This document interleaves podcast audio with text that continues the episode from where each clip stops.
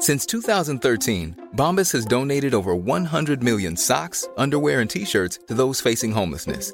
If we counted those on air, this ad would last over 1,157 days. But if we counted the time it takes to make a donation possible, it would take just a few clicks. Because every time you make a purchase, Bombas donates an item to someone who needs it. Go to bombas.com slash ACAST and use code ACAST for 20% off your first purchase. That's bombas.com slash ACAST, code ACAST. Ready to pop the question? The jewelers at BlueNile.com have got sparkle down to a science with beautiful lab grown diamonds worthy of your most brilliant moments. Their lab grown diamonds are independently graded and guaranteed identical to natural diamonds, and they're ready to ship to your door. Go to BlueNile.com and use promo code LISTEN to get $50 off your purchase of $500 or more. That's code LISTEN at BlueNile.com for $50 off. BlueNile.com code LISTEN. Systrarna Elvstrands hästpodd är producerad av Media House by RF. Hej allihopa och välkomna till systrarna Älvstrands hästbåt avsnitt 143. Välkomna, välkomna. Jag som pratar nu heter Anna. Och jag heter Emma och det här är podden om hästar och ridsport och vi själva har fyra stycken egna hästar och tycker förutom vårt egna hästliv om att diskutera det som sker i hästvärlden. Ja, och det som sker i våra liv också för den delen. Ja men eller hur. Hur mår du idag? Jag mår bra men förra veckan var en intensiv vecka. Och, Minst sagt. Ja och nu i helgen så har vi också haft fullt upp, du ännu mer än mig, men igår var vi ju till exempel på Jönköping Horse Show. Mm. Så ja, det har varit eh, intensivt och jag tänker att vi kan uppdatera lite mer om Jönköping och lite spaningar och sådär senare. Men det har varit en väldigt rolig helg, men hela förra veckan hade vi väldigt mycket att göra och jag bara väntar och väntar på att det ska bli mindre att göra så man kan ta det lite lugnt men har insett att vi får nog vänta till jul med det.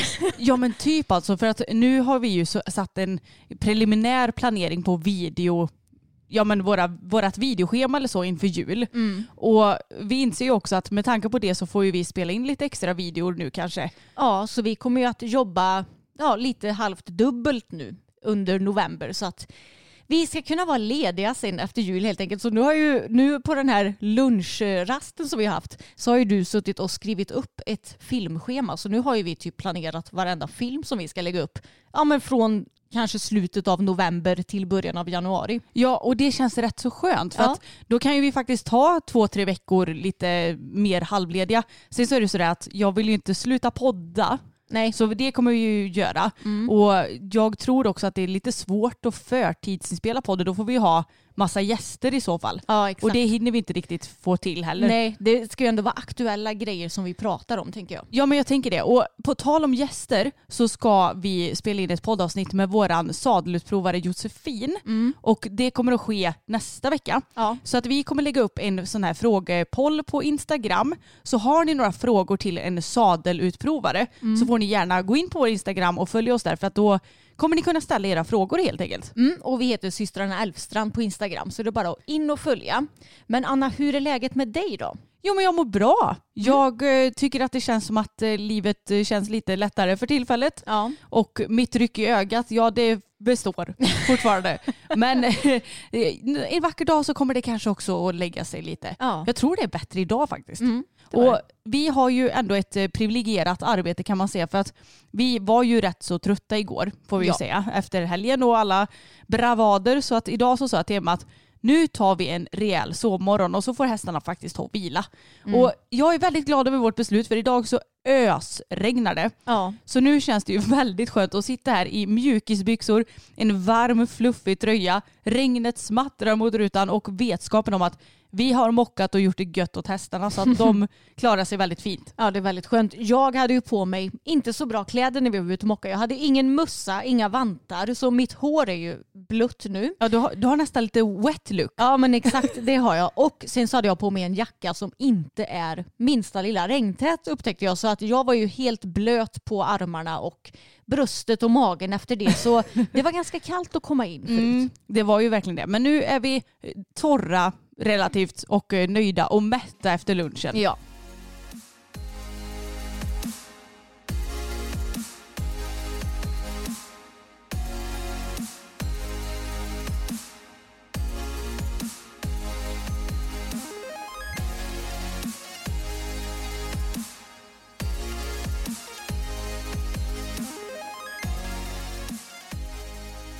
Jag vet inte om jag har gått och blivit lite nojig det senaste. Men jag har ju en katt som heter Siri och hon är 12 eller 13 år, vi vet inte exakt hur gammal hon är, men något sånt där. Så hon är ju inte direkt någon ungdom längre utan vi brukar kalla henne för vår lilla tant. Mm. Och hon brukar nästan alltid ligga i soffan hela dagarna och mysa för sånt härligt liv har ju hon skillnad från en annan. Ja, alltså den där katten hon får ju lov att gå ut men hon är ju inte direkt någon utekatt. Nej, hon är ju mer innekatt än utekatt skulle Ja. jag säga. Men då är ju du och jag sådana crazy cat ladies Anna, så att vi kan ju inte bara låta henne vara när vi ser henne liggandes där i soffan. Så typ när vi har varit i stallet ska vi alltid gå fram och hälsa på henne och klappa lite på henne. Och varje gång jag gör det så brukar hon alltid vakna till, titta på mig och säga Kurr! Så då hade jag tänkt göra det förra veckan också. Hälsa på henne. Och då kommer jag fram till henne, börjar klappa på henne och inväntar krr, ett. Men det kommer ingenting. Nej, och då blev du jätteorolig. Jag blev orolig. Jag kände på henne bara Herregud, är hon kallare än vanligt? Jag, jag, trodde att hon hade, jag trodde att hon hade gått och dött där i soffan. Att hon Ja. bara hade liksom somnat in i soffan. Jag klappar på henne, jag klappar på henne och sen efter kanske 5-10 sekunder, jo men då vaknar hon till och tittar på mig och undrar "Va- varför tusan väckte du mig i min fina sömn? Ja men hon måste ju sovit ganska djupt och Ja. det här har jag sett videor på förut. När det är katter som ligger och de ser nästan döda ut för att de ligger och ser helt konstiga ut med munnen och sådär också. Och så ser man hur ägarna nästan skakar i dem så här. Och till slut så bara Åh, Ja. hej, jag, jag låg bara och sov jäkligt djupt. Ja, så det var ju tydligen det som hon gjorde då. Och jag sa det att ja, det hade ju varit för jävligt för oss ifall hon hade bara gått och dött helt plötsligt. Men samtidigt good way to go för henne om eh, det väl hade varit så. Eller hur? Men vi får ju ändå hoppas att den dagen dröjer ganska så många år till. Jag hoppas ju verkligen på det. Men hon skrämde ju ihjäl dig också här om veckan. Men hon skrämde mig så mycket. Jag tror det var förra lördagen.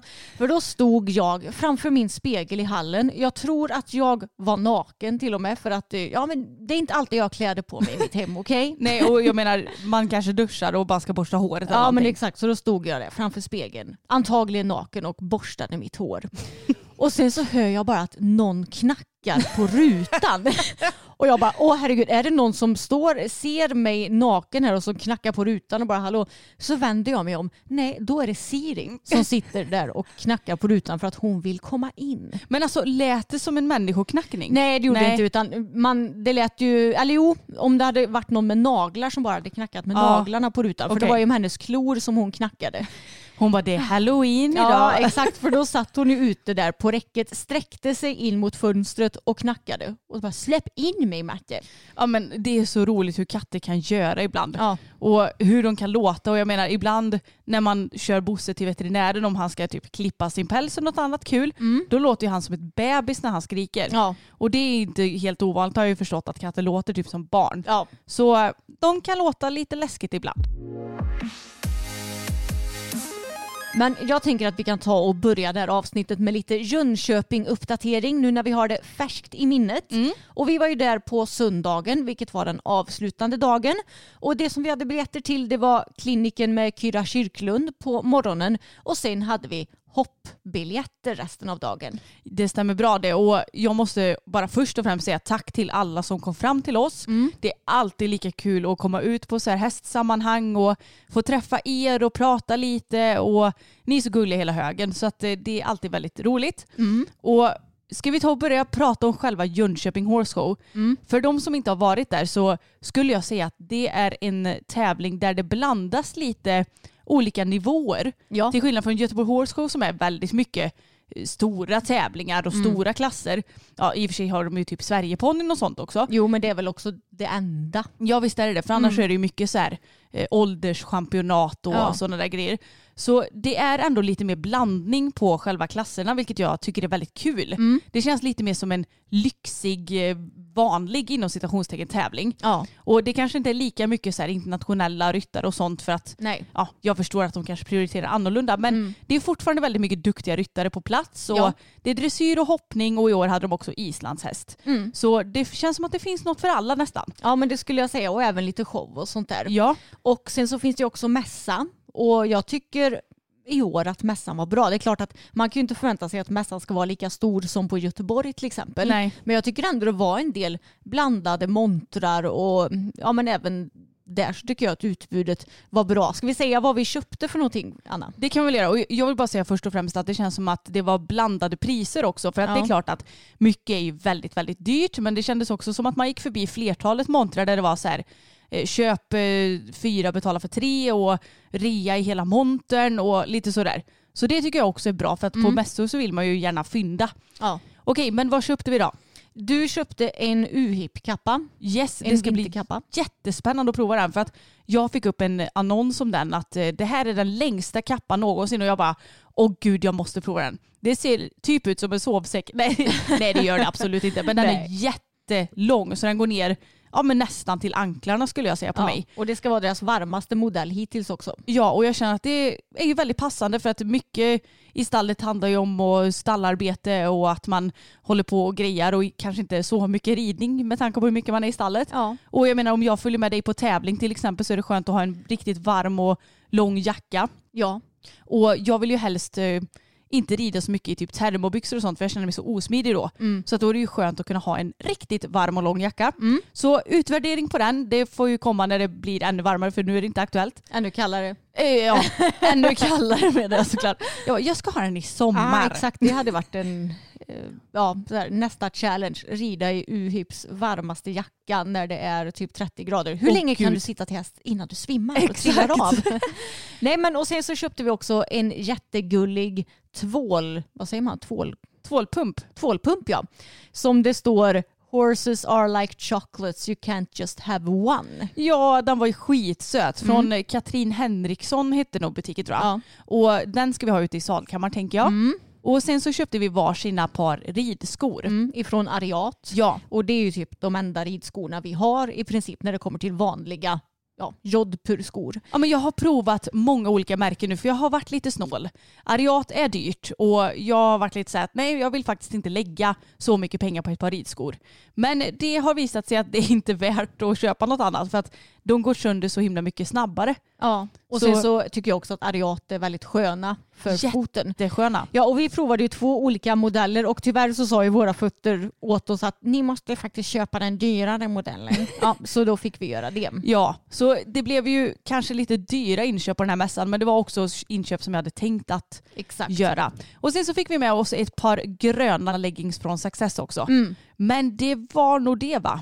Ja, det vill jag minnas att det var. Vi tänkte att vi tar och visar det i Youtube-videon som kommer upp på lördag också så ni får se allting med. Men jag är ändå nöjd med shoppingen och det var kul att gå på mässan. Jag kan säga att det som var lite synd med det här året på Jönköping Horse Show, det var att vi hann ju typ inte gå på mässan för det var så himla tätt emellan klasserna. Ja och det var så där att man bara okej men då börjar den här klassen halv tolv och sen så börjar den nästa klockan Typ, typ, så här, kva- ja, kvart över ett eller något ja, sånt något sånt. Och då var det kanske ja, men 40 minuter max mellan de här två klasserna. Och då skulle vi hinna äta också. Ja. Så att det var jätte...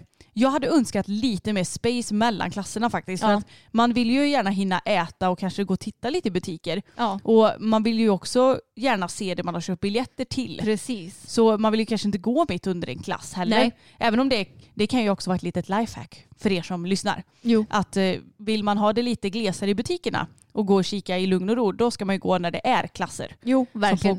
Och du kan ju köpa också bara entrébiljett till Horse Showen och då kan du ju gå på mässan och dessutom så kan du ju ofta se lite vad som händer på banan om du står bredvid. Ja, Sen så är det ju mycket bekvämare att ha läktarplats och du ser ju betydligt bättre. Men ifall du inte har råd eller lust att köpa läktarbiljett så är det ju lite som i Falsterbo på hoppbanan. Där kan du också stå vid sidan av och kika. Sen så hur bra man ser, det beror ju på. Ja, och då får man ju kanske gå och ställa sig lite i förväg innan en klass börjar så att man faktiskt Precis. ser ordentligt.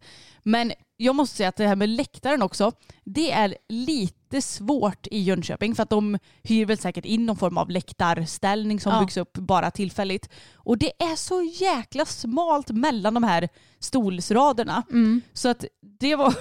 Jag skrattade så mycket när Emma kom till sista klassen för då du fastnade och pratade med någon tror jag. Jag fastnade i Success Monter och pratade med Linn. Ja, och då skrattade jag så mycket för att då, Emma höll ju också i den här påsen med våra ridskor och den var ju ganska Den var stor, det var en stor. höpåse liksom.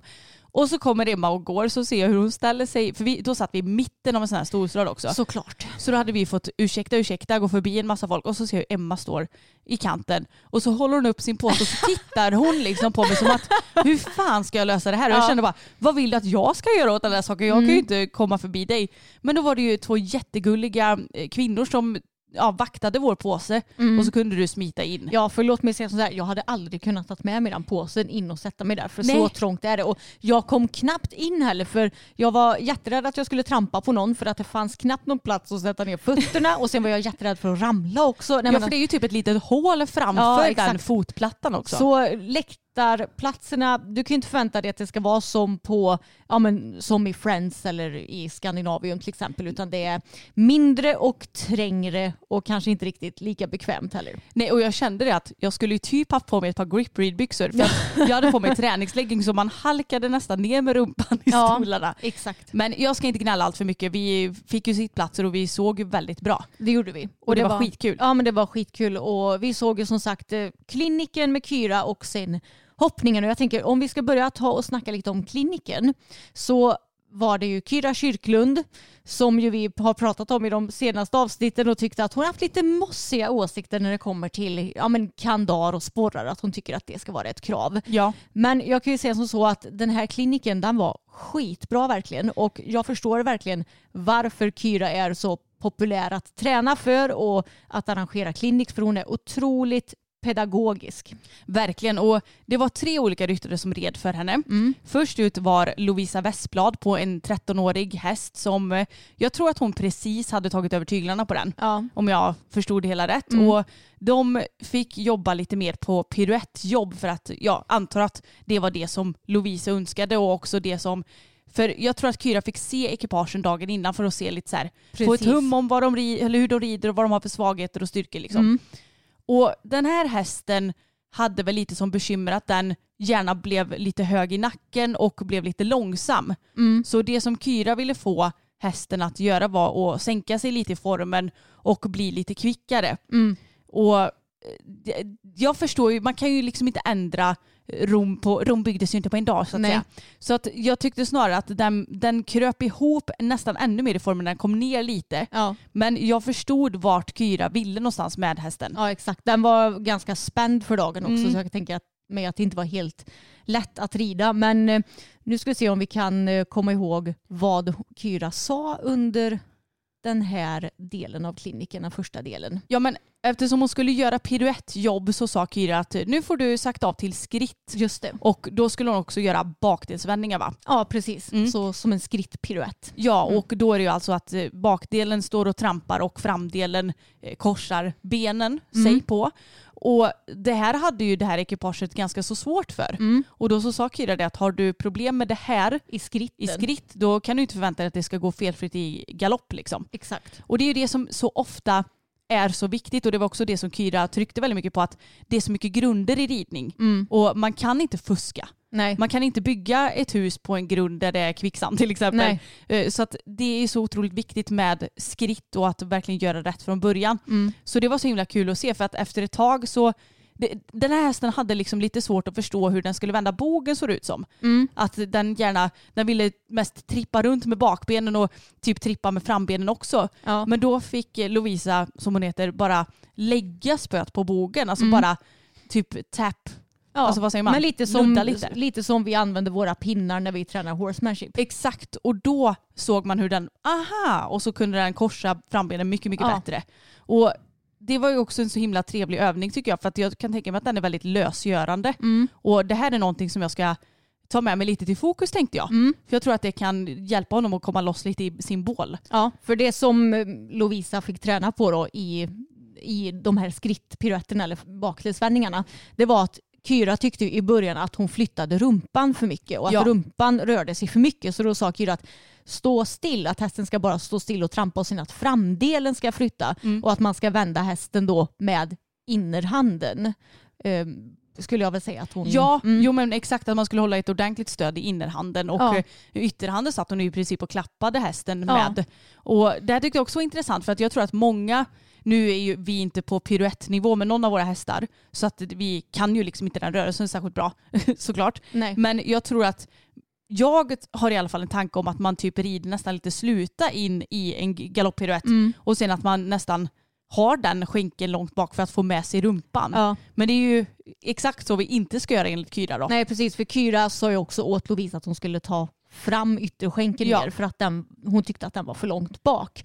Och det var, det var väldigt intressant att se tycker jag. Och hon gjorde också en övning när hon först skrittade och gjorde en bakdelsvändning och sen fattade hon galopp i ett par steg och försökte fortsätta vara kvar i den här piruetten sen sagt av till skritt.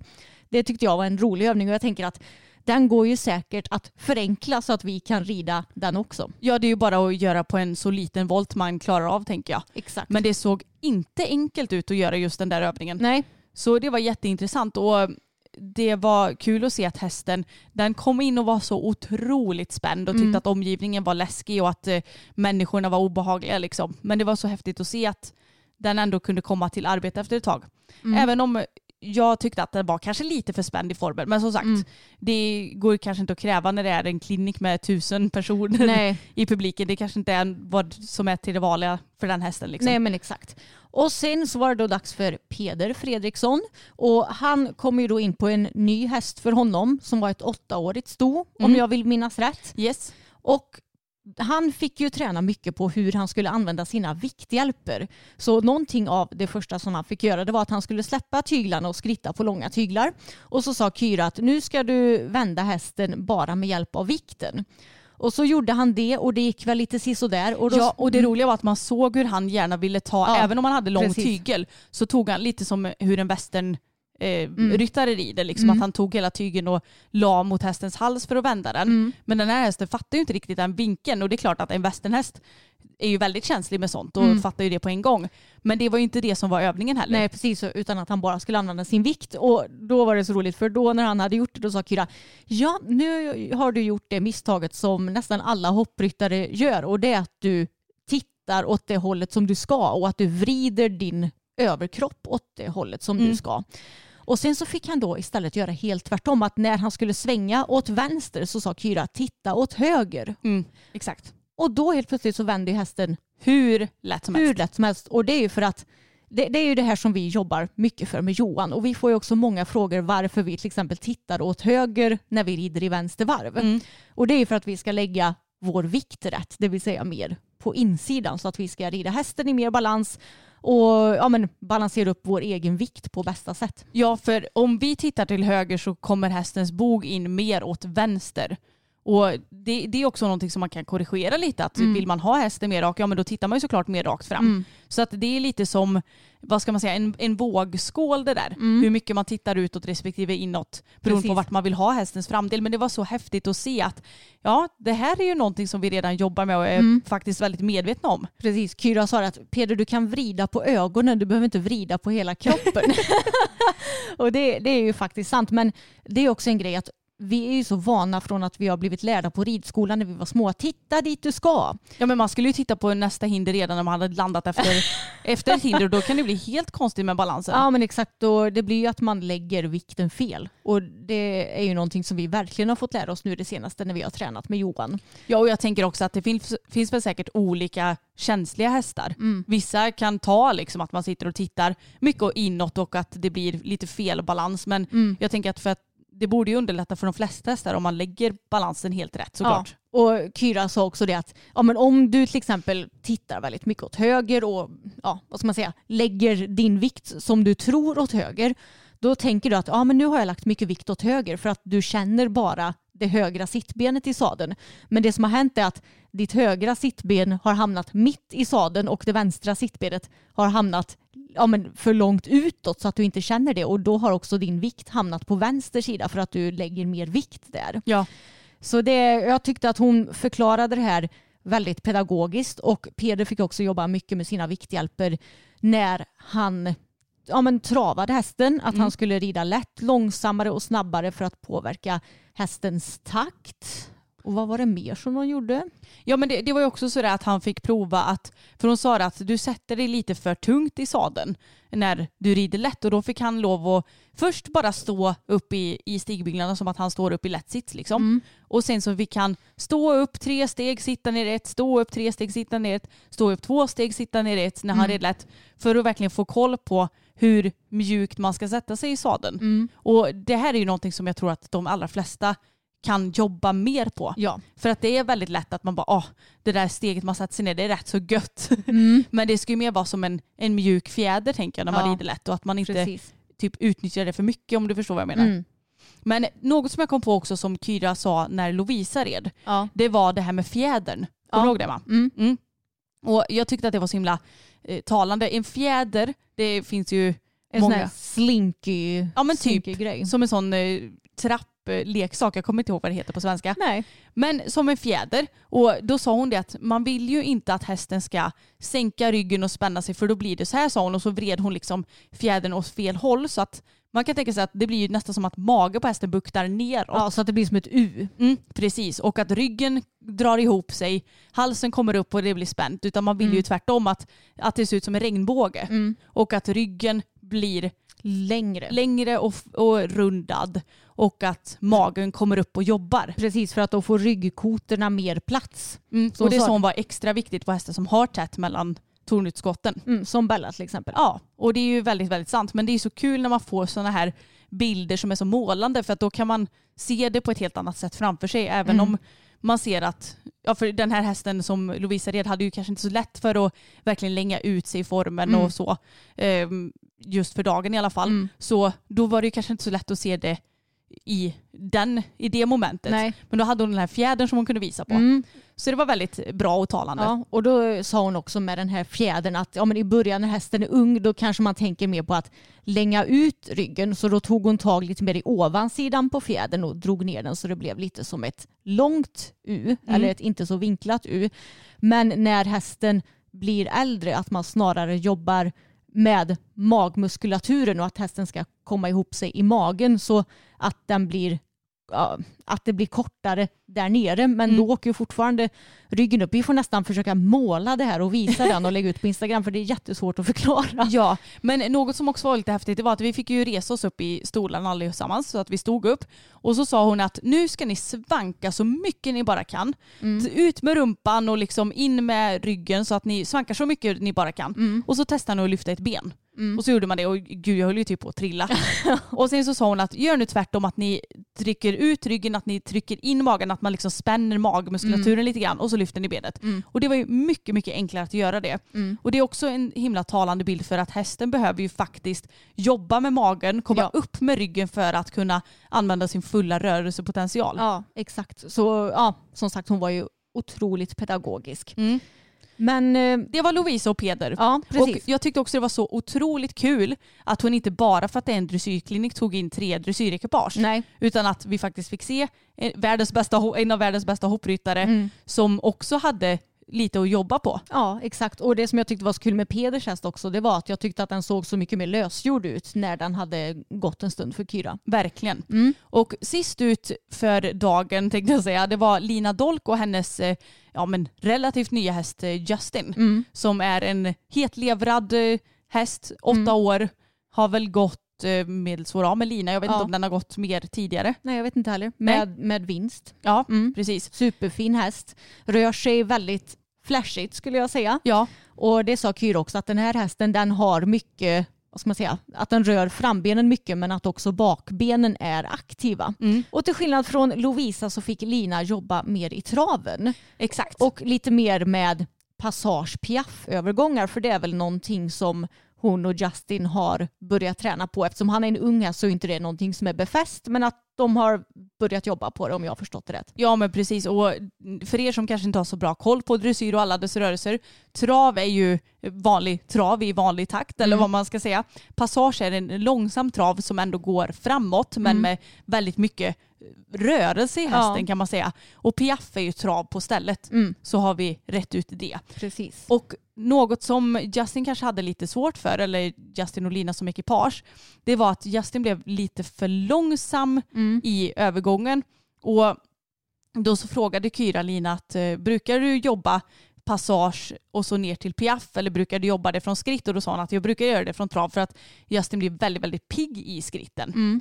Och ja, det kunde man ju se när han skrittade. Det var väldigt, väldigt snabb skritt. Ja. Så det är inte så konstigt att det var svårt för dem att träna på. Men det var också väldigt häftigt att se att de fick träna på just detta ehm, för att det blev så mycket bättre Mm. efter ett tag. Och jag vet inte riktigt hur jag ska förklara allt det här för det här är ju väldigt avancerat och någonting som jag själv inte har så bra koll på när det kommer Mm. till piaff och passage eftersom det är ganska långt bort. Mm. Men har du något bra sätt att förklara det som vi såg? Nej, men jag, Lina fick ju träna en del på framdelsvändningar. Mm. Det vill säga att bakdelen flyttar sig runt framdelen så det är ju tvärtom från bakdelsvändning. Och det fick de väl träna på för att eh, Kyra ville att Justin skulle få lite mer plats med, med bakbenen. Just det. Och så red de ju också en del i förvänd sluta, fast väldigt svag sådan och samlade traven i det. Ja men själva framdelsvändningarna, det Mm. gjorde de väl i skritt Det va? gjorde de i skritt Mm. ja. Och sen så, just det, hon fick ju rida lite förvänt sluta i trav eller åka i passage ja. för att försöka få lite mer plats för piaffen. Mm. Och det är också sånt här som är så himla smart. Man bara, hur, hur kan man komma på allting? Ja. Hur kan man veta alla lösningar på problem? Mm. Det, det är ju väldigt eh, imponerande men hon Mm. är ju också en äldre dam som har varit med om mycket så det är kanske inte så konstigt. Mm. Men det blev ju kanske inte, för när Lina visade upp sin piaff till passage Mm. för och för publiken eller så, då gjorde hon ju mer åt piaffhållet än vad hon gjorde när hon red det i förvänt sluta. Ja. Men det är också så att man måste ju ta saker och ting successivt för att det ska Precis. bli bra. Men eh, det är ju verkligen en fantastisk häst. Herregud vad fin han är. Ja, jättefin. Och Lina rider så fint. Det är så här Ja. sits goal. Så jag kan bli så avundsjuk när jag ser Lina rida och det ser alltid så fruktansvärt mjukt ut. Hon, det känns som att hon rider med så mjuk och fin hand och hon sitter helt... Hon är ju som ett paket mjukt smör. ja, men hon sitter stilla i sadeln utan att det ser vad ska man säga, fastklistrat och stelt ut. Utan allting ser så mjukt ut. Hon är ett med hästen, skänklarna är stilla. Och själv så kämpar man med att bara kunna sitta ner i den där förbannade traven. ja, liksom. på rakt spår typ. Ja, lite så. Nej, så det var väldigt kul att se och Justin är superfin och jag tycker också att den här träningen gjorde att han blev ännu bättre i formen. Tycker Mm. du det också? Jo men det tycker jag verkligen. Han hade ju jättefin luft i Mm. ganachen efter ett litet tag och det hade han väl egentligen redan från början men han, Mm. ju också, han blev också lite spänd av att det var mycket publik. Ja. Och vi fick ju avsluta med att öva på applåder för då märkte ju Kyra att oj, nu blev eh, den här hästen lite spänd för det här. Mm. Så att det var ju också lite kul att eh, vi fick öva på att applådera Mm. med honom i, i ridhuset tänkte jag säga, Ja. på ridbanan. Nej men det var skitkul att se faktiskt. Och jag, jag ska vara ärlig med tanke på vad vi har pratat om de två senaste poddavsnitten. Mm. Så jag har varit lite så här, ja nu får vi väl se vad det här är då. Men jag känner mig väldigt inspirerad och framförallt så tyckte jag att det var bra att Kyra tog upp det här med hur man tränar en häst också. För att ja, men jag som rider två till tre dressyrpass i veckan, Mm. jag känner ju ofta att så här, fasen tiden räcker inte riktigt till, jag vet inte riktigt hur jag ska lägga upp mina ridpass. Nej. Det känns som att man vill träna på allt på samma gång.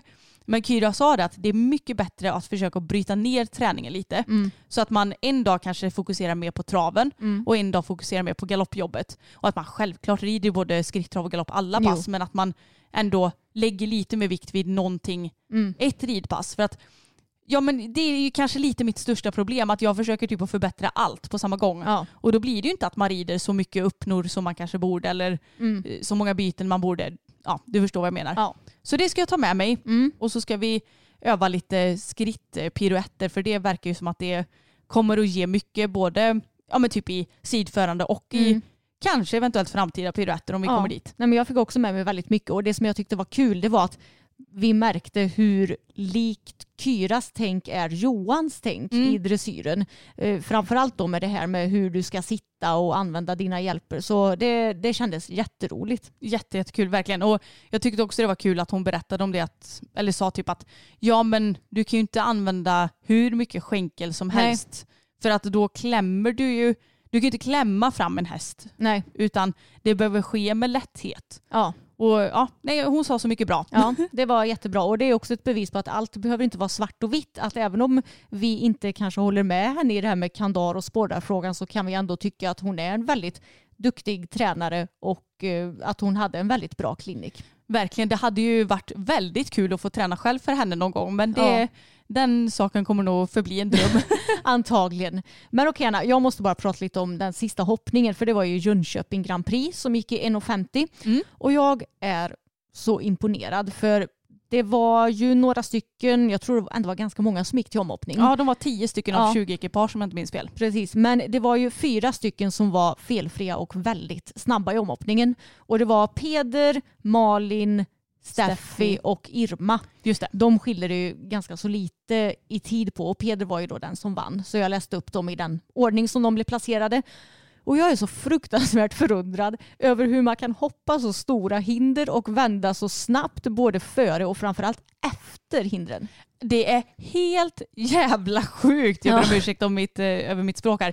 Men det roliga var att det var ju några som red omhoppningen först och som rev och som kanske red lite långsamt. Och så kom ju Steffi in och red sin omhoppning och jag bara åh herregud det, det här kommer ingen kunna slå tänkte jag för det gick så Nej. fort och hon och eh, Sparven. Sparven. är ju väldigt väldigt duktiga ihop. Mm. Jag sa det att det känns som att ingen hade kunnat rida Sparven lika bra som Steffi. Nej. De är ju ett. Mm. Så det var så kul att se de två för det var ett tag sedan jag såg de två in action. Mm. Men så kommer Malin in först, nej Peder in. Ja.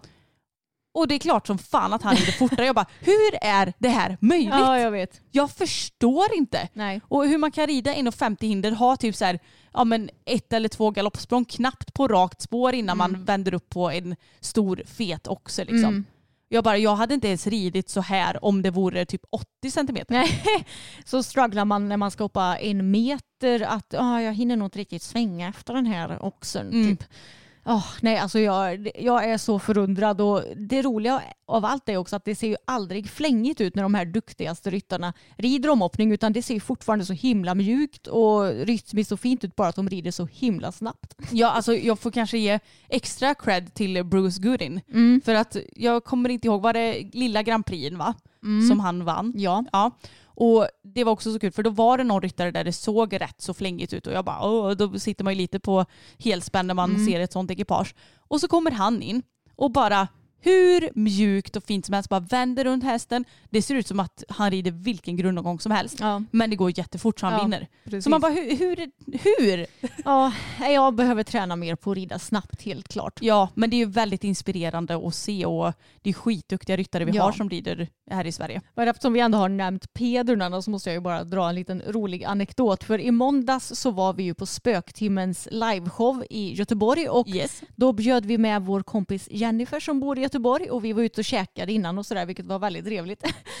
Och då på middagen så berättar hon att när hon var liten, alltså kanske typ 10-ish skulle jag gissa på, då hade hon tydligen ringt upp Peder. Ja, för Mm. våran, eh, våran andra kompis eh, Gabriella och Mm. en eh, till kompis till Jennifer hade ju utmanat henne att hon skulle ringa upp Peder och om hon inte gjorde det, vad skulle hon få för straff då? Ja, jag vet inte riktigt. Nej men det var ju någonting, någon Mm, bestraffning ja, liksom. Och det var ju på den här tiden som man hade hemtelefon. Hemtelefon. Så då hade ju Gabby och den andra kompisen suttit och haft luren i örat i ena telefonen medan Jennifer hade ringt på ja, den andra luren. Och Peder han hade ju faktiskt svarat när hon ringde. Och då hade ju Jennifer tio år ish bara Hej, jag heter Jennifer, jag tycker att du är jätteduktig. Och han hade väl bara, "Ja, tack så mycket. Och sen så har hon sagt att vi fyller år på samma dag. Ja just det! För det gör de tydligen. Ja. Och han bara, ja vad kul, men du jag sitter och rider nu så ja, han hade... det hade han väl inte sagt? Jo, Eller? det hade han sagt sagt. Ja, han sa jag sitter i sadeln eller jag, jag sitter och rider så, Ja. att, så att han skulle kunna avsluta det då. Och jag tror det hade gått ganska så bra. Jennifer var kanske inte så himla ihärdig. Nej, Mm. men det är också kul för jag tror att hon idag sådär ganska många år senare känner att hon inte hade gjort samma sak. Och man får ju hoppas att Peder har okänt nummer nu för tiden. ja, Alltså det här känns ju också som en sån grej som Anna du hade kunnat göra. Du hade kunnat ringa typ Malin Barriard när du var tio år ish. nej det tror jag inte jag hade vågat. Tror du inte det? Nej, Nej. det tror jag inte. Nej. Jag har ju alltid varit väldigt mesig och jag har ju alltid hatat att prata i telefon dessutom. Det är typ det värsta jag vet. Vad är det med oss och hata att prata i telefon? Ja, jag hatar fattar det. inte. Det kan ju vara den löjligaste fobin ever typ. Men det har nästan blivit värre och värre med åren för det ringer så mycket telefonförsäljare och skit som man bara, åh, jag svarar ju aldrig när någon ringer förutom sådana jag har inlagda. Ja. Och ibland om jag vet att jag har typ något så här sjukhusbesök eller något. Samma här, jag har ju okänt, eller okänt nummer. Ja, alltså man hittar inte mitt nummer om man söker Mm. på det.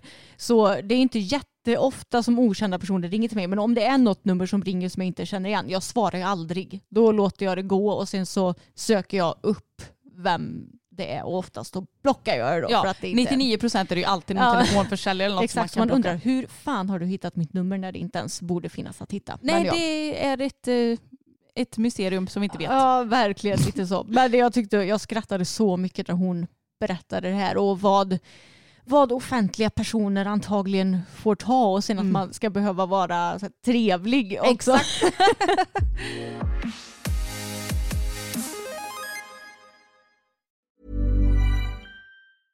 Ready to pop the question? The jewelers at BlueNile.com have got sparkle down to a science with beautiful lab grown diamonds worthy of your most brilliant moments. Their lab grown diamonds are independently graded and guaranteed identical to natural diamonds, and they're ready to ship to your door. Go to BlueNile.com and use promo code LISTEN to get $50 off your purchase of $500 or more. That's code LISTEN at BlueNile.com for $50 off. BlueNile.com code LISTEN. A lot can happen in three years, like a chatbot may be your new best friend. But what won't change? Needing health insurance. United Healthcare Tri Term Medical Plans, underwritten by Golden Rule Insurance Company, offer flexible, budget friendly coverage that lasts nearly three years in some states. Learn more at uh1.com. Okej, men jag tänker att vi kan ta och prata lite om hästarnas vecka. Tage han är ju, ja men jag skulle säga inte fullt igång för han behöver ju såklart bygga upp sin kondition men jag, jag rider i princip som vanligt med lite fler skrittpauser bara. Och det var också väldigt kul för att jag red ett dressyrpass i veckan och jag kände ändå att ja men nu känns han inte alls lika fyrtaktig innan jag ska bryta av till trav utan han kan hålla ihop sig lite bättre och det har faktiskt gått väldigt fort framåt med det där. Så det är ändå motiverande även om jag känner att det var ju betydligt roligare att rida Tage för några år sedan. Ja. Han har ju verkligen blivit lite gammal och grå med tiden och jag kände lite, det är liksom en liten sorg i kroppen att jag inte tycker att det är lika kul att rida honom längre. Och det här säger jag, jag vill bara normalisera att vi har ju våra hästar tills de liksom ja, inte finns mer. Och därför kanske det också kommer vara så att det någon gång vänder och blir lite Ja. tråkigare att rida dem. Men så är det, så var det med Boppen också. Ja, och det är, lite, det är fan lite sorgligt Jo. att känna så. Jo, Men samtidigt så vet ju inte Tage om det här. Hoppas jag. Jag bara utstrålar massa så negativitet när jag Ja, rider honom. Nej det gör jag absolut inte utan jag tycker ju fortfarande att det är, det är väldigt mysigt, det är skönt, det är tryggt. Det är, jag känner honom utan och innan efter alla dessa år. Så det är klart att jag fortfarande får ut någonting av det. Även om jag känner att det utvecklande stadiet det har ju stannat för länge sedan. jo, Liksom. nu är det mest för att han ska må bra som han rids. Exakt och jag vill ju fortfarande ändå rida lite på banan för det känns som att om jag inte gör det då blir han så himla stel liksom. För ute i skogen så blir det inte alls samma sak att man rider det här lösgjorda. Nej, men, Så. men Tage tycker också det är bra mycket roligare att rida ut än att vara på banan. Jo, men jag tänker att om ett tag så kan jag ju lägga in lite mer bommar och småhinder också. Ja. Så att då, då det tycker han är mycket roligare. Ja. Men jag måste bara berätta en rolig grej som jag tror att jag inte har tagit upp i podden. Mhm. Och det var när jag och Jessica red ut tillsammans för en vecka sedan, Mm. lite drygt. Då så kommer det förbi en lastbil och kör i 120 km i timmen typ, så jag var jättearg på den. Så jag bara, Åh, sakta ner då för fan. Så här. Eh, viftade åt den med näven så här. Och sen så ja, sitter vi och skrittar så här på lite halvlånga tyglar som vi brukar göra för då var vi på asfaltvägen på väg ut till ridturen liksom. Och så rätt vad det är så blir Tage skiträdd och börjar typ galoppera lite halvt på asfalten. Då kommer det en man på rullskidor Mm. och svischar förbi så här. Och han bara hej hej och jag bara "Åh, hej hej så här, bara fick bromsa Tage rätt vad det. Rullskidor är tydligen läskigt. Men Bella tyckte inte det var läskigt. Nej hon brydde sig faktiskt inte särskilt mycket. Nej. Jag tror att alltså, det som blev läskigt var väl att det kom ganska plötsligt och att ja, men rullskidor då blir det liksom så att det Ja. sätts i stavarna och så kommer han och det låter ju lite så här. Förbi. Ja. Så han tyckte det var väldigt konstigt. Men det är också kul att Tage ändå blev så rädd för de här rullskidorna med tanke på att vi har ju faktiskt blivit påkörd av en cykel en gång. Och då blev jag inte rädd alls. Det är fortfarande typ den knäppaste historia jag har varit med om. Ja, om det är någon som har missat den så kan jag ju dra den snabbt. Ja. Jag och Tage skulle rida ut och det var vinter. inte sådär skitmycket snö hade kommit men det var ett litet puderlag liksom på asfalten och då skrittade jag i godan ro och sen så rätt vad det så hör jag så här, ni vet på lite äldre cyklar när man bromsar så kan man ju höra att det så knakar till lite. Så då vrider jag på min nacke och tittar bak och då sitter en gubbe på en cykel där och bara Oj, jag såg er inte. Då så hade han cyklat in i Tages rumpa liksom. Alltså jag undrar verkligen vart han tittade när han cyklade. Men vet du vad han sa till mig då? Nej. Han bara, jag såg inga spår i marken. Man bara, nej men när man cyklar så kanske man inte liksom sitter och tittar rakt ner utan Nej. man tittar väl ändå framåt. Alltså vilken chock han måste fått när jag bara helt plötsligt har kört in i en hästrumpa. och jag kände bara, tack gode gud att han inte körde in i Bella. Ja, var det inte Tage som hade typ när han körde in honom hade han så här vänt på huvudet och tittat så här på honom? Jo, både jag och Tage vred, vred på nacken så här och bara, Ja. vad var det som hände? Så Tage bara. Alltså han, han reagerar inte mer än att vad är det för idiot som har kört in i mig? Eh, Typ. Verkligen så. så ändå så gulligt så här Ja, efterhand.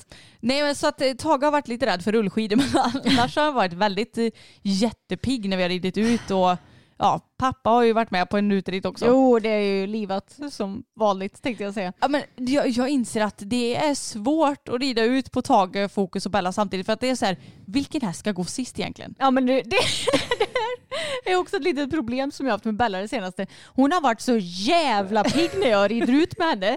Och när jag har ridit ut själv då har ju inte hon någon stoppkloss framför sig så då kan hon ju springa typ hur snabbt som helst. Japp. Och jag rider ju typ alltid på bettlöst när jag rider ut.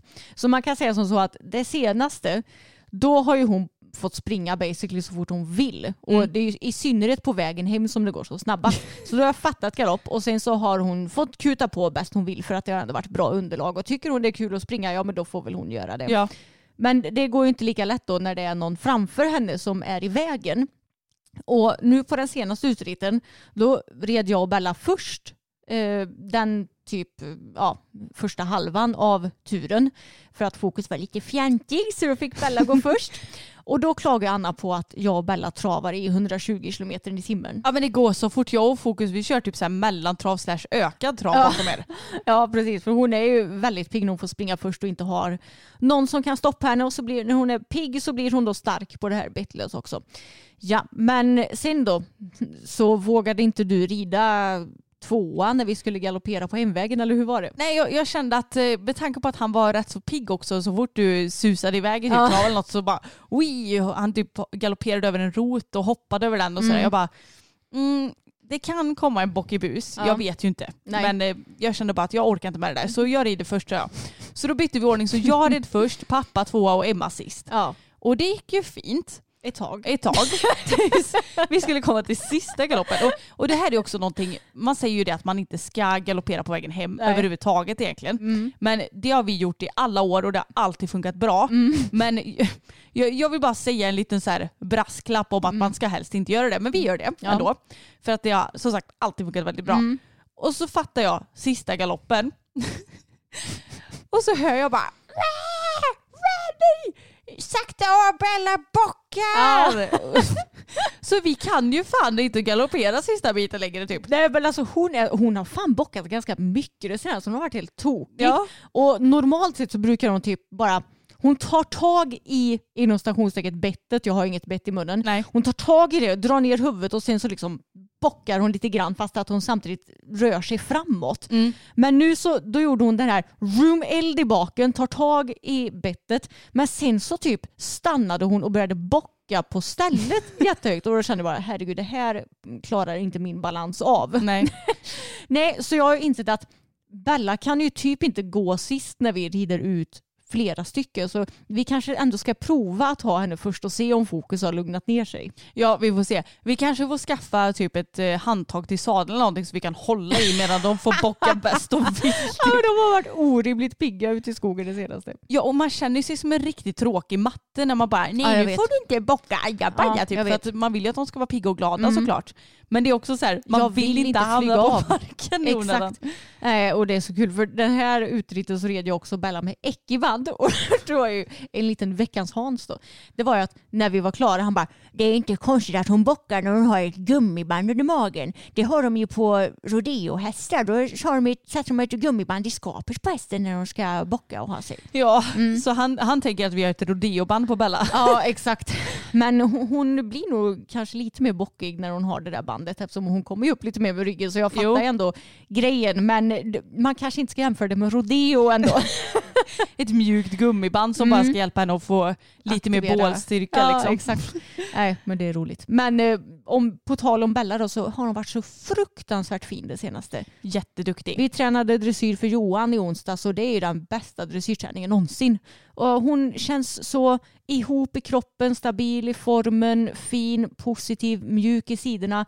Och Johan han är så nöjd över oss också. Han bara det här är inte samma häst som när du började träna för mig. Och det, vi har ju bara tränat från dem i drygt ett år blir det. Ett år och typ tre månader kanske. Ja, Var det inte förra sensommaren som jag red första träningen från jo, jag tror det. Och sen har du ju missat lite för att hon har stått lite skadad och så också. Exakt. Så det är ju skitkul. Och Ja. Jag märker ju såklart stor skillnad på fokus också efter det här. Mm. Ja, jag har väl kanske tränat ett och ett halvt år eller något Ja. sånt där.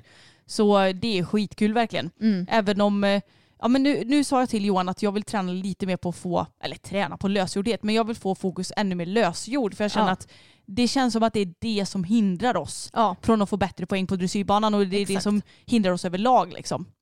Så vi fick öva mycket uppnor i galopp faktiskt. Och det är någonting som jag ska ta med mig till veckans arbete också tänker jag. Mm. Så jag hoppas att vi ska lyckas få honom ännu mer lös och fin i sidorna för det längtar jag efter att han ja, men blir lite mer mjuk. Alltså han är ju Mm. en väldigt mjuk häst. Mjuka gångarter, mjuk i munnen, eh, lätt på många sätt. Men det är ju den där bålen som jag pratat om många Ja. gånger att det är lite som en, en Planka. rak planka som man ska Ja. försöka böja lite i. Men jag tror nog inte det är fel att du tränar på öppna i galopp för han har ju naturligt lättare för galoppen än traven. Mm. Och då tänker jag att det säkert blir lättare för honom att göra öppna i galoppen trav. Så när du sätter den i galoppen då kommer han kanske kunna göra den i traven också och kunna behålla framåtspjudningen bättre och sådär. Ja och det här är ju kanske lite ironiskt med tanke på att jag pratade om att mycket behöver sitta i skritt innan man kan ta det i trav, innan man kan ta det i galopp. Men just när det kommer till öppna och sluta och sidförande grejer Mm. så tycker jag det är jättesvårt att göra i skritt. För det känns som att man inte har något framåtflyt utan ska man göra en skritt då blir det lätt så här, ja men man, det är bra typ något steg och sen så vinglar hästen till typ. Ja. När man får lite fart i både trav och galopp så får man lite mer flyt och ja, men att det kan flyta på bättre. Liksom. ja men överlag tycker jag att mycket är lättare att göra i traven i galopp. Till Ja. exempel, jag tycker också att både öppna och sluta är lite lättare i galoppen i trav tror jag.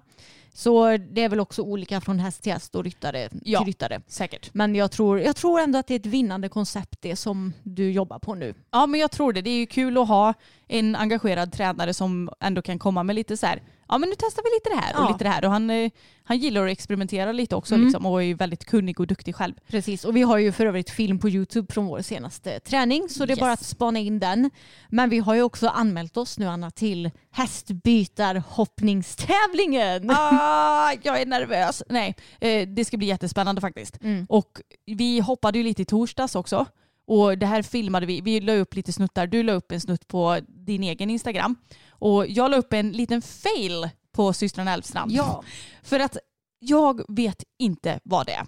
Men Bella, ja, dels var hon lite trött för vi hoppade dagen efter dressyrträningen. Mm. Så lite i tröttaste laget var hon säkert efter den för hon Ja. hade jobbat jättefint. Men det var fokus också. Ja, så det är ju liksom inga konstigheter. Och ibland så behöver man ju rida när hästarna är lite trötta och ibland så Mm. vill man rida när de är desto piggare. Så då hade vi ju till exempel hoppat efter en uteritt för att vara lite smarta. Ja. Men ja, vi gillar att variera lite helt enkelt. Och jag har så svårt för att lägga Bella på hinder i vänster galopp. Ja, men det är för att hon inte är lika snärtig i vänster galopp och inte riktigt lika framme för skänken i vänster galopp. Ja men är det att hon inte galopperar riktigt lika mycket uppåt liksom? Ja, exakt. För, för du vet, det är så himla konstigt för att på Tage, jag vet liksom att han har mycket längre galopp i vänster och lite kortare galopp i höger. Har bättre takt i höger, sämre i vänster. Så det går inte riktigt ihop det där kanske. Nej.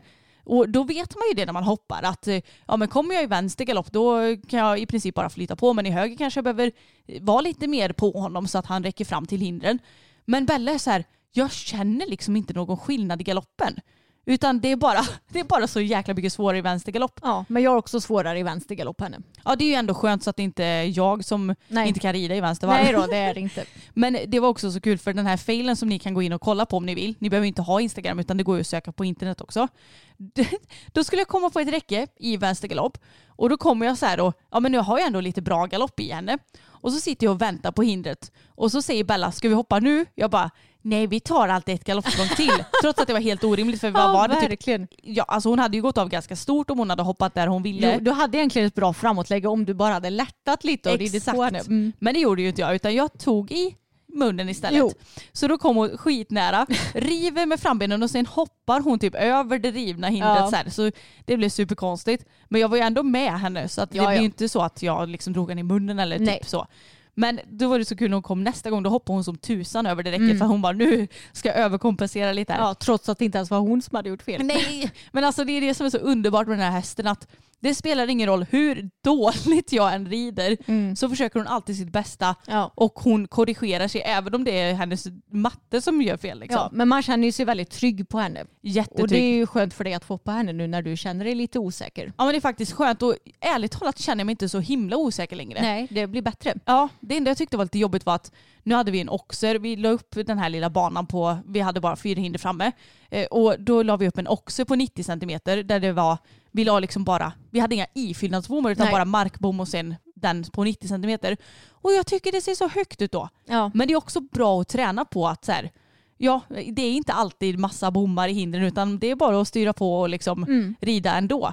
Så det tyckte jag såg lite läskigt ut och det var väl kanske det som det enda som gjorde mig lite osäker. Ja, precis. Men jag tyckte det var bra för mig att jag fick prova hoppa fokus en dag när han var lite segare också. Mm.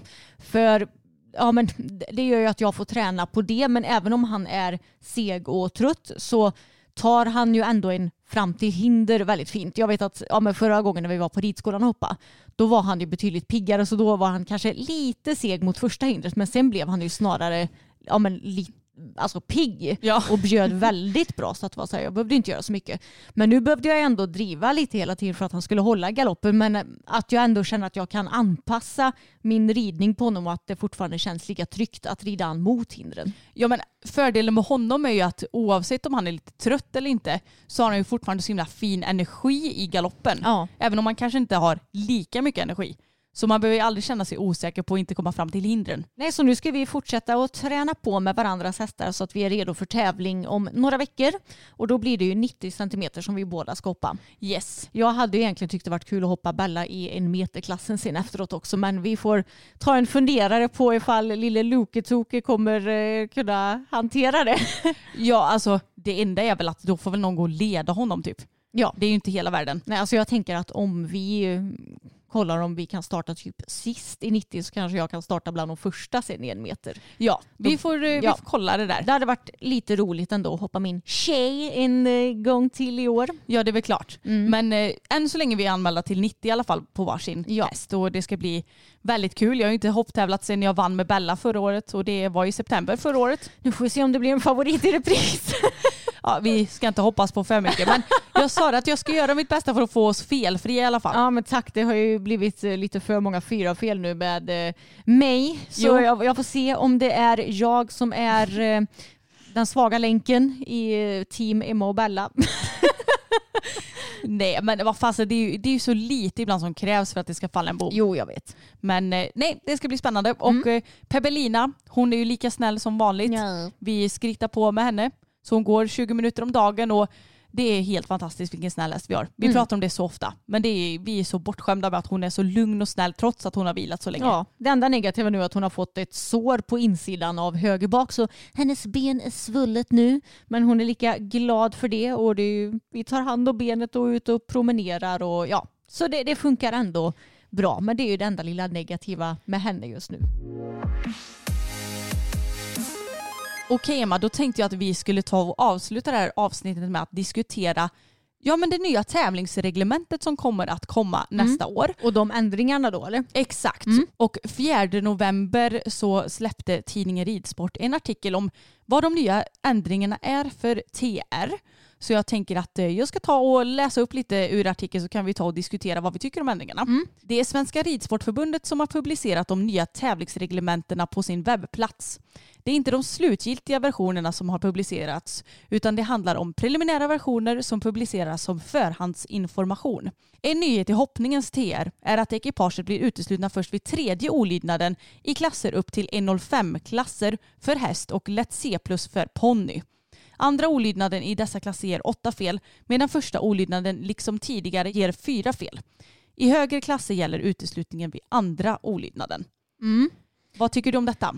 Ja men det är så här var det ju förr i tiden tänkte jag säga att du blev utesluten från och med tredje olydnaden. Det, det här med att man bara får eh, är utesluten vid andra olydnaden det har väl bara varit under en period känns det som? Eller? Ja, det har väl bara varit under året Ja, som det, varit nu. Ja eller om det har varit två år för TR uppdateras väl vartannat år eller? Nej, det är inte varje. Nej vartannat. Jaha. Mm. Eh, så ja, det är det här som vi är vana vid och jag kan väl tycka att det både är positivt och negativt. Egentligen så känner väl lite jag att jag tycker att det är ganska bra att du blir utesluten på andra olydnaden även i lägre klasser. För jag tänker att ja, men ett stopp det kan ju vem som helst få. Du kanske rider dåligt, det blir någon sorts missuppfattning. Men om du stannar fler gånger än så på en bana då kanske hästen behöver mer träning, till exempel på öppna banor, pay and jumps eller att du behöver träna mer för tränare som kan hjälpa dig. Det, jag kan tycka att det tar onödigt mycket tid om hästen ska hålla på och stanna för många gånger. Jag håller helt med och jag kan tycka också att eh, stannar en häst mer än en gång då kan det också bero på att ryttaren kanske inte är mogen för att komma Ja. ut och tävla. Ja, och kanske sänka nivån man tävlar på. Ja, om det. Så, så ja, jag, jag är inte jätteförtjust i det här förslaget men jag förstår att eh, de som kanske har tittiga hästar till exempel tycker att det är ett bra förslag. jo. Men eh, ja, jag vet inte. Det, ja, det- kommer inte bli säkert så himla stor skillnad kan jag tänka mig. Nej, jag tänker också. Men när de hade att man blev utesluten först vid tredje olydnaden förut, Mm. då var det väl fyra fel per vägran? Eller var det fyra Nej. vid första och åtta vid vid andra? andra. Ja, Mm. Så det är ingen direkt skillnad. Nej. I hoppningens TR står det numera också att en häst slash ponny får göra max 12 starter under en 30 dagars period. Det blir också tillåtet för ett ekipage att starta både avdelning A och avdelning B i samma klass under förutsättning att avdelning A rids före avdelning B. Okej, det är ju jättebra att de sätter en begränsning på hur många starter man får rida. Men alltså, vi måste ju räkna lite på hur många starter det här blir rent konkret. Anna, För jag tycker att 12 starter under en 30 dagars period låter mycket rent spontant. Ja, alltså jag, jag tänker så här, 30 dagars period, det är ju, näst, ja, det är ju drygt fyra veckor. Ja, så vi räknar med fyra helger då. Det gör vi. Och jag menar, om man ser att, eh, ja, vi rider ju inte mer än en klass per dag oftast, men många kan ju rida två klasser per dag. Ja. Så det är som att man skulle rida två klasser lördag, söndag, vecka 44, 45 och 46. Ja. Då får du ihop 12 stycken starter. Åh herregud. Det är ju alltså tre veckor i rad med tävlingar lördag, söndag, två klasser per dag. Ja, det är ju svinmycket. jätte- jättemycket. Och tänk då ett meeting också. Skulle man kunna rida två klasser torsdag, fredag, lördag, söndag. Fyra gånger två, det är åtta. Och då skulle du kunna ta en full helg eh, också typ eh, veckan efter eller två veckor efter. Ja. Så det, jag gillar idén med att begränsa hur många starter man får rida på en 30 dagars period. ja, Men det låter väldigt, väldigt mycket fortfarande. jag tycker också det låter väldigt mycket. Mm. Nej, man hade kunnat sätta någon lägre siffra där helt klart. Ja, och det är kanske också svårt så här. Är det någon som rider så mycket som så 12-16 starter per 30 dagars period? Ja, det kan man ju undra. Alltså, det, det kanske finns någon eftersom de uppenbarligen ändå har satt den här Ja. regeln. Ja, men det, jag tycker fortfarande det låter väldigt mycket. Men ja, vi får väl eh, se lite vad, vad som händer och sker om det här kanske korrigeras i framtiden. Precis. Men vad tycker du om det här med avdelning A och avdelning B då? Jo men det tycker jag är bra. Jag eh, tänker som så att många, säg, säg om jag tar mig själv som exempel, att jag på en tävling kanske skulle vilja hoppa två klasser och jag vill hoppa en meter men jag tycker att det är lite för lågt så det känns inte så värt att hoppa.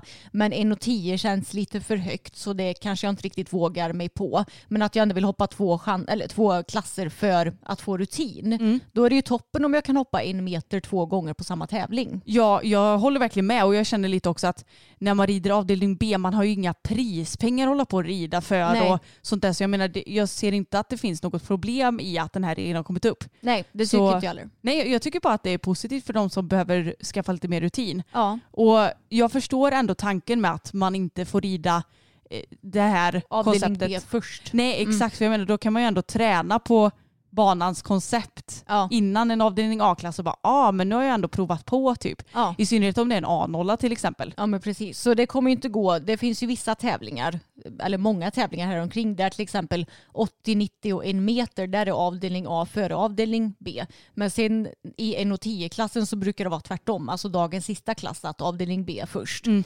Så då funkar det ju inte att göra på det här viset. Nej, men jag tycker bara det är positivt faktiskt. Jag med. Tidsfel försvinner. En annan nyhet för hoppning för hästar är att tidsfelen försvinner upp till och med en 05-klass. Tillåten tid där blir alltid 120 sekunder. Samma regel gäller för ponnyer upp till och med lätt C plus 5 cm. Och det här... Eh, Vänta, alltid 120 sekunder oavsett hur lång banan är då? yes. Och det här är någonting som har varit i ponny tidigare bara. Men nu kommer det appliceras även på hästklasser då. Ja, okej. Ja, jag, jag vet inte, jag tycker att det här är konstigt för jag tycker ändå tidsfel är en bra grej. Att det ska främja att du ska hålla ett bra tempo till exempel så att du inte sitter och rider onödigt långsamt eller onödigt långa vägar. Och jag menar, sen om du kanske vill rida högre klasser så måste du ändå ha ett bra tempo. Exakt. Det, Så jag ser ingen positiv grej med det här. Nej, jag, jag håller lite med att, jag menar det är ju som att, eh, ja, jag, jag vet inte, någon gång kommer det ju komma tidsfel. Ja, Så då är det väl lika bra att lära sig från början att man ska ha en bra galopp Ja, och jag menar när jag red Boppen i början när vi hade köpt honom och även lite när vi ha- hade haft honom ett tag så hade ju jag en tendens att rida väldigt långsamt på honom eftersom han är så stor och jag tyckte att det kändes som att det gick mycket långsammare. Men då fick ju jag tidsfel när jag red för långsamt och då lärde jag mig att Exakt. jag kan inte rida så långsamt men om du inte har någon maxtid då kommer du inte lära dig det här. Nej. Så jag tycker inte att det är något pedagogiskt om jag ska se det ur ett pedagogiskt perspektiv som är bra för både häst och ryttare. Nej, jag tänker att det kommer ju bara komma och bita dig i röven senare i så fall. Ja. Nej, så det är det här, den ändringen är jag inte jätteförtjust i. Nej, jag håller med. Den tidigare regeln om att det är tillåtet att hoppa 10 cm högre och längre än klassens maxhöjd slash maxlängd på framhoppningen försvinner.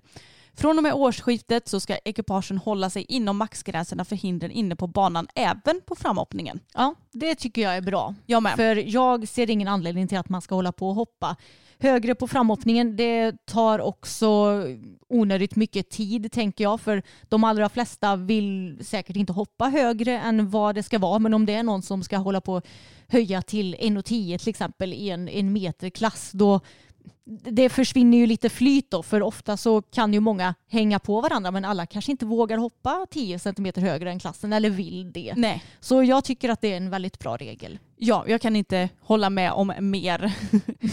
Det har också gjorts en hel del förtydliganden gällande användning av spö och dessa gäller hela tävlingsområdet. Spö får endast användas som anvisning, inte bestraffning. Och en sådan anvisning kan tillåtas högst två gånger under en ritt som en lätt petning på bogen eller bakom sadeln. Ja, och det här är väl egentligen ingenting att kommentera, det är väl som det ska vara. Jag tänkte säga att har inte den regeln funnits tidigare också? Jo men jag tror att det bara har blivit lite alltså, förtydligande kring Ja, det här okej. så att det står på ett lite mer tydligt sätt. Mm. Liksom. Vid olydnad får hästen göras mer uppmärksam genom att ryttaren ger en lätt petning på bogen eller bakom sadeln vilket är en skärpning. Spöet ska i så fall användas i direkt anslutning till olydnaden. Mm. Slag räknas som en form av bestraffning och är alltså inte tillåtna. Nej. Så skulle en häst stanna så får man liksom så här, bupp, men inte pardon. Nej, för att då blir det bestraffning. Ja. Spö får heller aldrig användas efter att ekipaget blivit uteslutet, utgått eller har hoppat banans sista hinder. Däremot får spö användas för att förhindra eller stoppa en händelse där ryttaren, hästen och eller omgivningen utsätts eller riskerar att utsättas för en fysisk skada. Mm. Ja, och det här tycker jag också är bra för det vet jag, det var nog ingen direkt regel förr i tiden om man blev utesluten att man inte fick använda spöet. Jo. Ja men alltså längre sen. Jaha, för, menar du länge, länge sedan? Ja, exakt. Så det här är ju något som ändå, det är ju inte nytt men det är ju relativt nytt i alla fall. Ja, det kanske det är. Mm. Men det är ju bra att det förtydligas i alla fall och att det finns tydliga regler. Ja, Har, ja. Finns det ännu fler spöregler? Ehm, nej, eller ja, Nej. det, jag vet inte om det finns det i TR Nej. så. Men eh, jag tycker ju att det är bra att det är förtydligat och då får man ju hoppas också att domaren och överdomaren faktiskt eh, ja, men följer det ordentligt och vågar ja, dela ut bestraffningar om det behövs. Eller hur? Här kommer lite dressyr, eller nya dressyrgrejer också. Mm. I dressyr så ska tävlingsarrangör kunna anvisa plats för longering när unghästklasser ordnas. Mm. Och då gäller det väl bara unghästklasser som man anordnar någon 4, 5, 6, 7-åring klass. Ja, men liksom. jag antar det. yes. Det är väl jättebra så att inte de är i vägen för de som rider tänker jag. Verkligen. Det finns också en hel del nya formuleringar kring betsling i dressyren. Bland annat så får sidostyckena och nosgrimman inte tillsammans ha en hävstångsinverkan. Även kring kvalregler finns det nya förändringar. Ja, kvalregler känns ju som att det alltid är förändringar kring.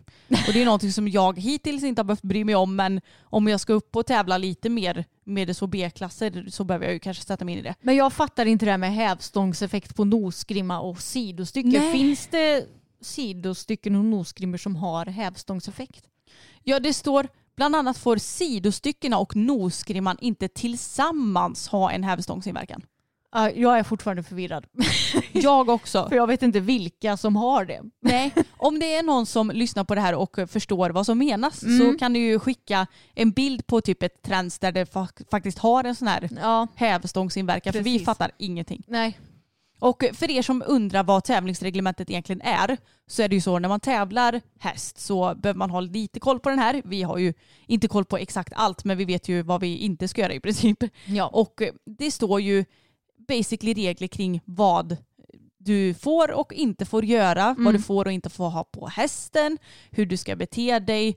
Och sen så finns det ju olika TR också beroende på vilken gren det är. Så det finns ju en för dressyr, en för hoppning, en gemensam som gäller vilken gren som helst. Och så finns det väl fälttävlan också. ja, men man kan ju säga att de innehåller alla regler för tävling. Ja, exakt. Och det är ju någonting som man får lära sig när man går en grönt kortkurs.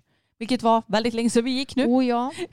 Men eh, det är alltid spännande att ly- eller, lyssna på och eh, läsa menar jag. De Ja. nya förändringarna som kommer komma. ja.